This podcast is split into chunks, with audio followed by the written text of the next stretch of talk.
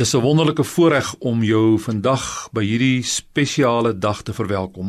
Ons weet dat Goeie Vrydag is eintlik die heel belangrikste dag van die kerklike jaar, saam met natuurlik Opstanding Sondag.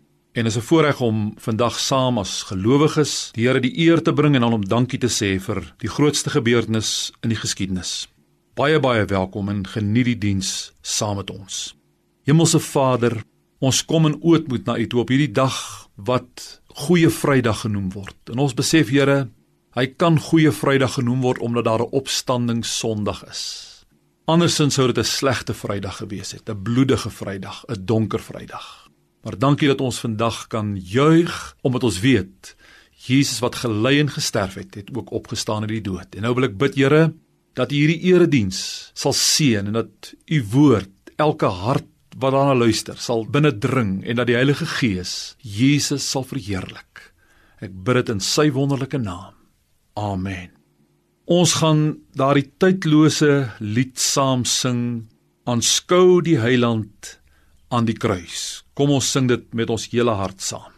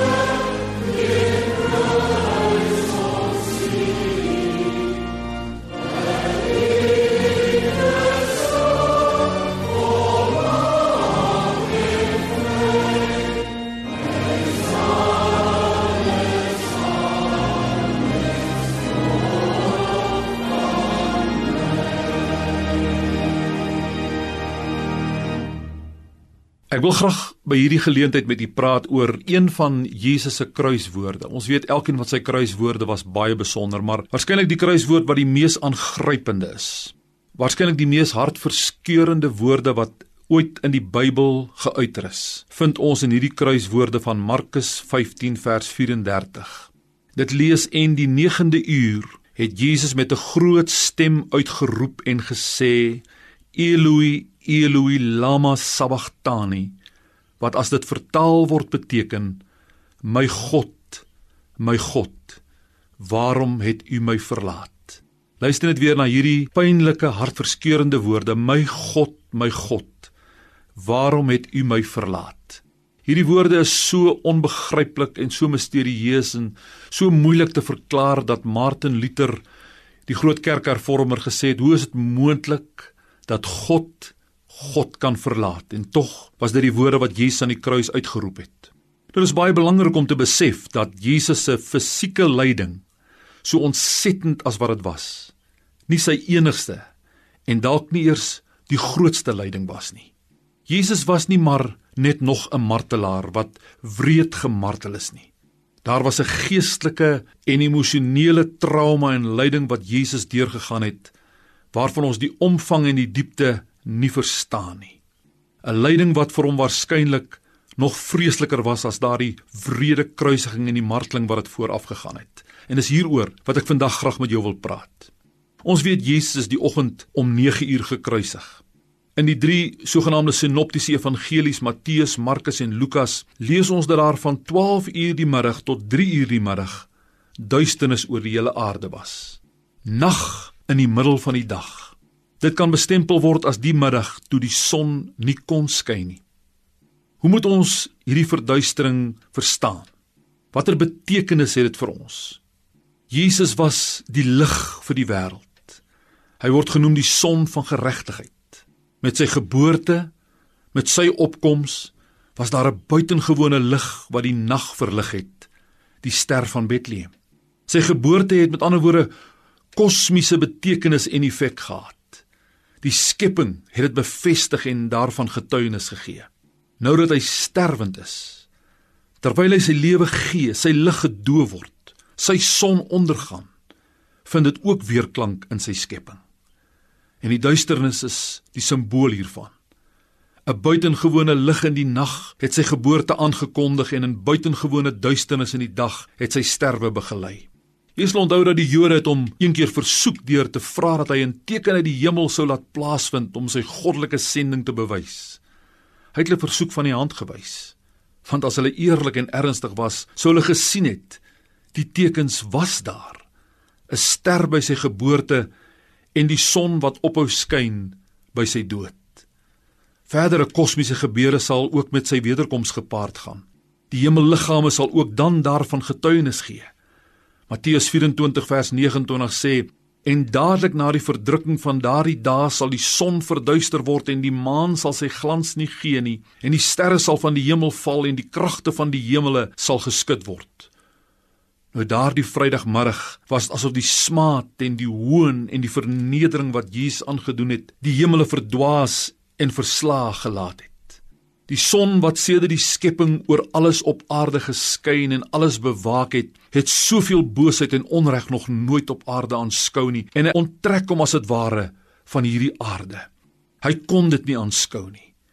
Die son wat sy strale op die goeie en die slegte, die heilige en die onheilige, die regverdige en die onregverdige laat skyn, het sy lig weerhou toe Jesus Christus sonde gemaak is toe die totaliteit van alle sonde op hom neergekom het. Dit was asof die skepping in rou was, met sy Skepper gesimpatiseer het, want sy Skepper het aan 'n kruis gehang. O, die misterie van dit alles. My God, my God, waarom het U my verlaat? Jesus het hierdie woorde geuiter net na die 3 uur van algehele duisternis toe dit helder dag moes gewees het. Dit was sekerlik die verskriklikste 3 ure in die bestaan van tyd. As 'n mens na Jesus se lydingspad kyk, dan lyk dit asof die grafiek van sy angs en smart twee keer 'n hoogtepunt bereik het. Eers in Getsemane toe hy die bitter beker moes drink en toe weer op Golgotha tydens hierdie 3 donker ure. In hierdie donker ure het Jesus geen woord gesê waarvan ons lees nie. Al vier evangelie swyg hieroor. Wat sou dan in daardie 3 ure gebeur het. Al wat ons weet is dat hy in daardie tyd benewens die wreedste martel dood denkbaar onbeskryflike smarte en angs ervaar het. En om aan die einde daarvan uit te roep, my God, my God, waarom het U my verlaat? Daardie 3 ure was waarskynlik 'n tyd van worsteling met die duister magte van die bose. En daardie 3 ure het die volle konsekwensies van 2 Korintiërs 5 vers 51 tot voltrekking gekom waar dit sê want hy het hom wat geen sonde geken het nie sonde vir ons gemaak. In daardie tyd het hy in ons plek 'n vloek geword sê Galasiërs 3 vers 13 en sê Jesaja 53 vers 6 het die Here die ongeregtigheid van ons almal op hom laat neerkom. Hy sê ook in vers 4 Jesaja 53 dat in daardie tyd het hy ons krankhede op hom geneem en ons smarte gedra. Is dit terwille van ons oortredinge deurboor en terwille van ons ongeregtighede verbrysel en daardeur sy wonde vir ons genesing gekom. Jesus se vernedering het weliswaar reg deur sy lewe plaasgevind. Ek meen om as seun van God in 'n stal gebore te word en 'n krib te lê, geen huis jou eie te kan noem nie deur jou eie mense gehaat te word. Maar op Golgotha het sy lyding en sy vernedering 'n hoogtepunt bereik. In daardie ure het hy die volle ontevredenheid, die misha en die afkeer van God oor sonde gesmaak in ons plek. In hierdie tyd het God se toorn oor die sonde van die mensdom ontbrand. En volgens Jesaja 53 vers 10 het hy sy siel as 'n skuldoffer aangebied.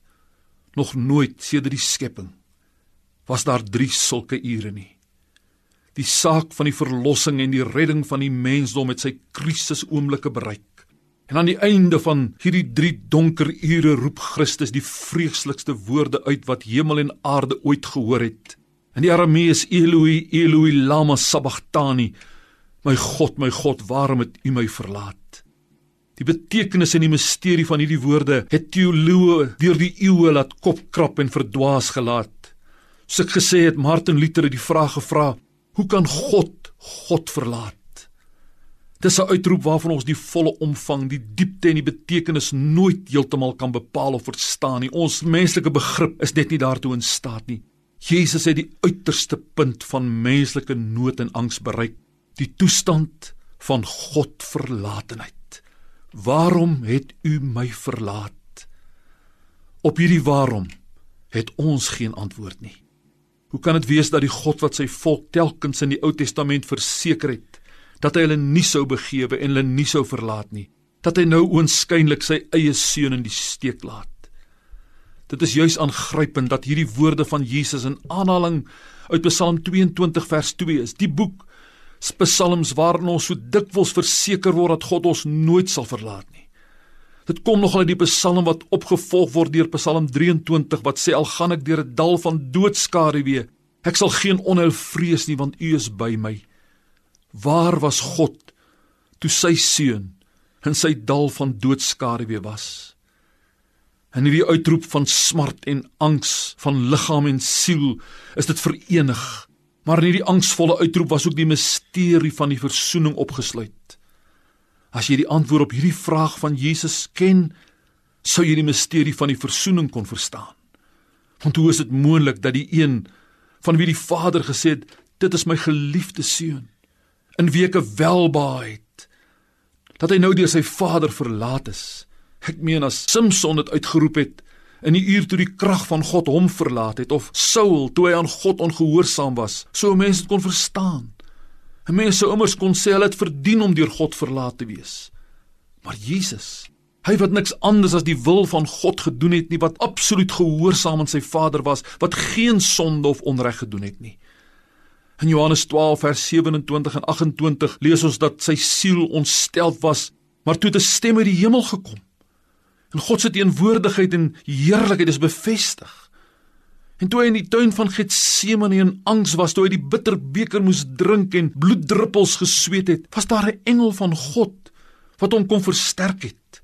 Maar nou, nou is daar geen stem nie, geen engel nie. Nou dat hy in die dal van doodskaduwee is, is daar geen stok en staf wat hom vertroos nie.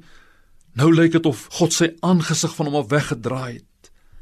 Dit moes vir Christus die allervreeslikste ding gewees het om deur sy Vader verlaat te wees. Dit was sy smartlikste ondervinding op sy lydingsweg. Hy het nooit gevra: "Waarom gesel julle my nie?" Hy het nie gevra: "Waarom spoeg julle op my nie?" Selfs toe hy gekruisig is, het hy nie gevra: "Hoekom spyker julle my aan die kruis nie?" Toe sy disippels hom verlaat het, het hy nie gevra: "Waarom verlaat julle my nie?" Maar nou dat sy Vader hom verlaat, was dit die ergste wat hom kon oorkom. Hy was so een met sy Vader, so afhanklik van sy Vader. Meer as een keer het hy getuig dat die Vader hom liefhet. dat hy niks doen wat sy Vader nie vir hom gesê het en wat hy die Vader nie gesien doen het nie. En nou was hy alleen. Hierdie ontdekking dat die Vader hom verlaat het, is sekerlik vererger deur die feit dat hy dit na sy menslike natuur nooit verwag het nie. Ek meen hy het vooraf geweet dat hy sou sterf. Hy het in sy aardse lewe sy disippels daarop voorberei. Hy het vooraf geweet dat hy geslaan en verneder sou word, dat al sy disippels hom sou verlaat, dat hy verloon en verraai sou word. Hy het dit voor die tyd reeds vir hulle gesê. Maar nooit het hy verwag dat hy deur sy Vader verlaat sou word nie. Trouwens, Net 'n paar uur voor sy kruisiging daar in Johannes 13, het hy vir sy disippels gesê: "Kyk, die uur het gekom dat julle uitmekaar gejaag sal word, elkeen na sy eie toe, en my alleen sal laat. Tog is ek nie alleen nie, omdat die Vader met my is." Dit het hy in Johannes 16 vers 32 gesê. Hierdie versekering het hy gehad: "My Vader is by my. Julle sal gaan en julle kan maar gaan, maar my Vader is by my." Maar nou wat 'n skok. Wat 'n ontnugtering die sy disippels in die steek gelaat. En nou het sy Vader van wie hy vroeër gesê dat hy hom nie sou verlaat nie, hom ook verlaat. Nou was hy heeltemal alleen. Dit wat Jesus daar ervaar het, was hel. So op grond van hierdie smartelike ervaring aan die kruis dat die Heidelbergse katekismes sê dat Jesus ter helle neergedaal het van die uiteindelike hel waarin almal uiteindelik gaan wat God se verzoening nie aanvaar het nie sal 'n plek van ewige foltering wees. Om dit in aardse idiome en begrippe te begryp gebruik die Bybel terme so swaal en vuur wat brand. Maar die vreeslikste smart eendag in die hel sal die afwesigheid van God wees. Om hom te soek en hy's nie daar nie. 2 Tessalonisense 1 vers 9 sê vir ons Die hel is die een plek waar God nie is nie. En dit is wat Jesus aan die kruis ervaar het. Toe hy roep, toe hy soek, toe hy smag, was sy Vader nie daar nie. Benewens Jesus se foltering aan die kruis wat op sigself as 'n helse smart beskryf kan word, het hy ook hierdie allerverskriklikheid van die afwesigheid van God sy Vader ervaar. Vir hom wat dit allermins verdien het moes dit in die volste sin van die woord hel gewees het. En dit terwille van my en van jou sodat die wat hom aanneem nooit alleen hoef te wees nie en nie verlore sal gaan nie maar die ewige lewe kan hê. Verlaat deur sy disippels, verlaat deur sy Vader alleen uitgelewer aan sy vyande gefolter deur elke demoon en elke mag van die bose As ons hieraan dink, asook aan die fisieke marteling wat hy vroeër die dag en selfs die vorige nag moes deurgaan, is dit geen wonder nie dat hy sou uitroep: "My God, my God, waarom het U my verlaat?" Jy weet, die troostvolle wete van God se teenwoordigheid kan 'n mens deur seker enige krisis dra. Honderde, duisende martelare deur die eeue kon met triomf en lofsange sterf, die wreedste dood sterf maar in die wete en die bewustheid van God se teenwoordigheid. Maar hoe moes dit vir Christus gewees het wat altyd so bewus was van die, sy Vader se teenwoordigheid om nou deur hom verlaat te wees juis in die uur wat hy hom die nodigste gehad het. Maar dit moes gebeur juis sodat sy kinders selfs as hulle in sy naam en vir sy naam moes ly en sterf dat hulle nooit alleen hoef te wees nie. Nou die feit dat God Jesus verlaat het, kon nooit beteken dat daar 'n tyd was dat die Vader opgehou het om sy seun lief te hê nie. Hy was immers onskuldig. Hy het niks anders gedoen as om die Vader te behaag nie. Maar die vraag kom steeds, hoe kan dit dan wees dat God sy eie seun verlaat het? Die rede hiervoor is die wese en die hart van die verzoening. Wat Jesus daar aan die kruis beleef het, die toestand van God verlatenheid was juis die uiteindelike vrug van sonde in die menselewe, van sonde skei jou van God. Sonde het Adam en Eva geskei van die teenwoordigheid van God daar in Eden. Daarom is hulle uit die tuin uit sy teenwoordigheid verdryf.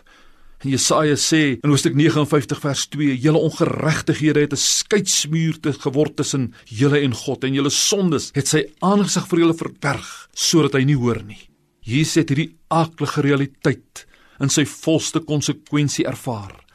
Hy as die onskuldige, sondelose seun van God het almal se sonde op hom geneem. Hy het sonde vir ons geword. Daarom is God se aangesig vir hom verberg en was die goddelike kommunikasie verbreek. Daar in Habakuk 1 vers 13 wat vir my aangryp as hy sê van God sê hy u wat terrein is van oë om die kwaad aan te sien en die onreg nie kan aanskou nie. Is dit dalk waarom God daardie dag sy aangesig weggedraai het van sy seun? Omdat sy onskuldige, heilige seun as dit ware sonde geword het? Omdat al die sondes van die wêreld en die menslike geskiedenis op hom gerus het?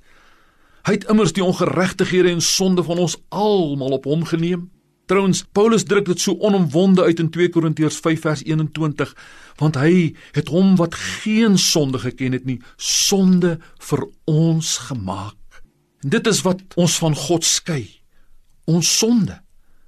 Dit het Jesus op hom geneem. En die onmoontlike, die onnoembare gebeur. God draai sy aangesig weg van sy seun. Geïsoleer van God se liefdevolle teenwoordigheid nou die voorwerp van God se wraak en toorn oor sonde draai die straf en die vloek van die hele mensdom. Ja liter jy was seker reg. God kon God tog nie verlaat nie maar maar tog lyk dit of die Vader Jesus in 'n sekere beperkte maar tog baie reële sin na sy menslike natuur verlaat het. Omdat hy as die volmaakte in ons onvolmaakte se plek moes sterf En in daardie oomblik en in toestand van hierdie helse ervaring het hy gesê God het my verlaat. Hoe sou mens en waarmee sou 'n mens hierdie onbeskryflike oomblik in die verhouding tussen die Vader en sy seun vergelyk? Eintlik kan geen aardse voorbeeld hier dan reg laat geskied nie, maar tog wil ek 'n voorbeeld gebruik wat jou miskien iets daarvan sal laat verstaan. Dink aan 'n pa, sy kind is kritiek siek. Die kind word in die intensiewe sorgeenheid in die hospitaal opgeneem. Sy ouers mag vir 'n tyd lank glad nie by hom kom nie. Die kind worstel in sy pyn en sy alleenheid met die vraag: "Waar is my pa en my waar is my ma?" Beteken dit dat sy ouers hom nie liefhet nie? Dat hulle nie by hom wil wees nie? Nee. Hulle het hom waarskynlik liewer as ooit en hulle harte brand om by hulle seun te wees.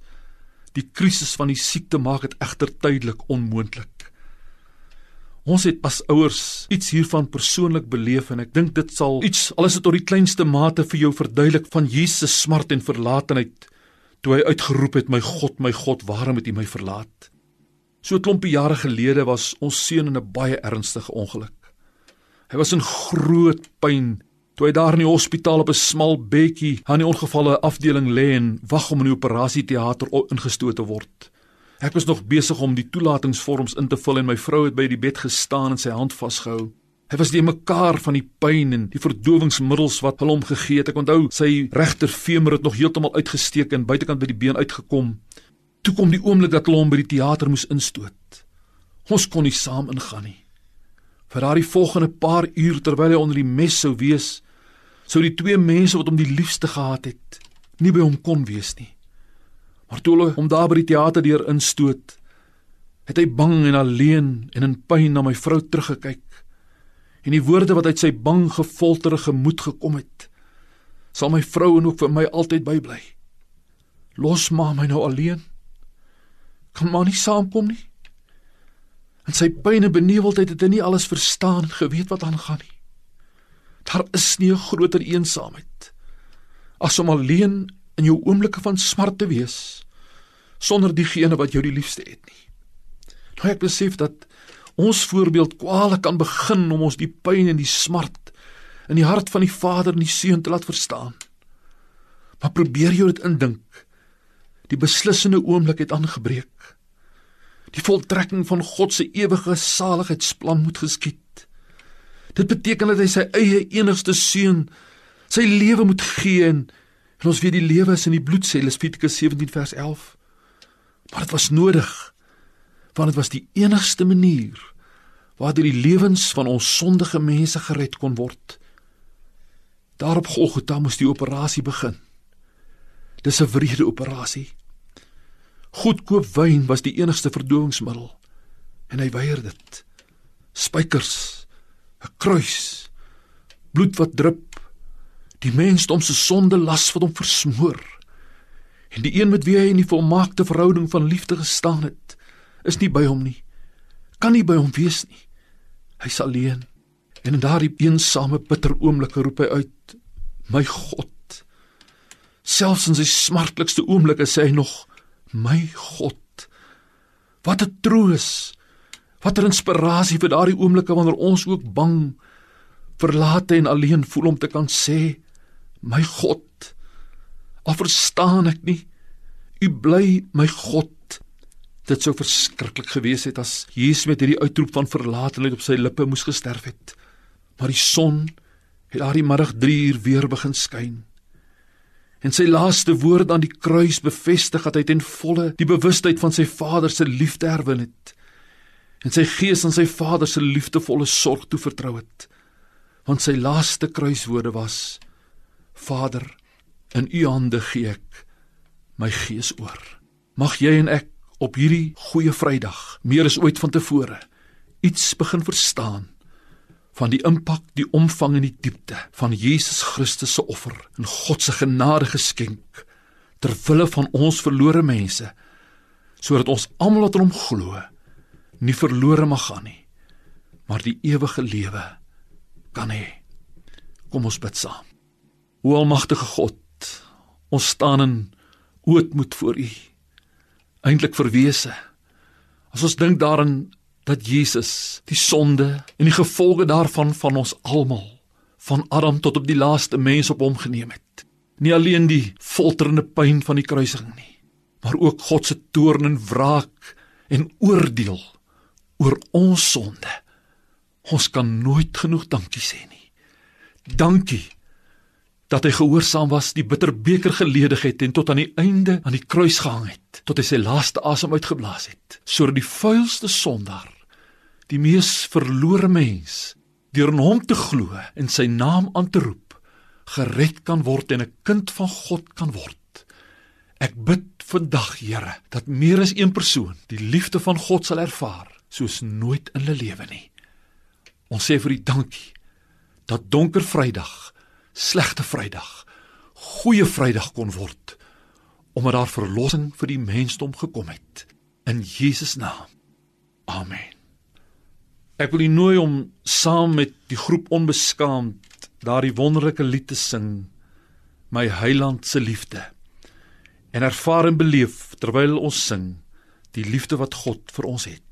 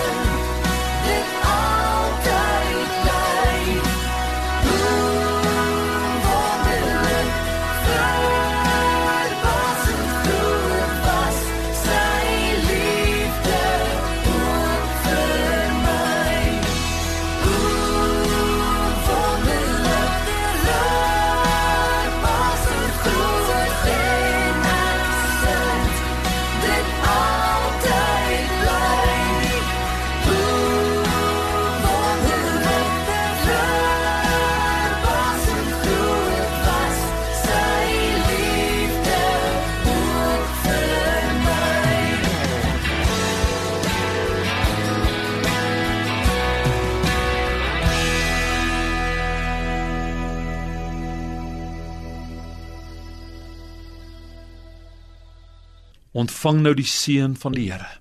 Mag nou die genade van ons Here Jesus Christus, die liefde van God ons se Vader en die troostvolle gemeenskap van die Heilige Gees met elkeen wees. Amen.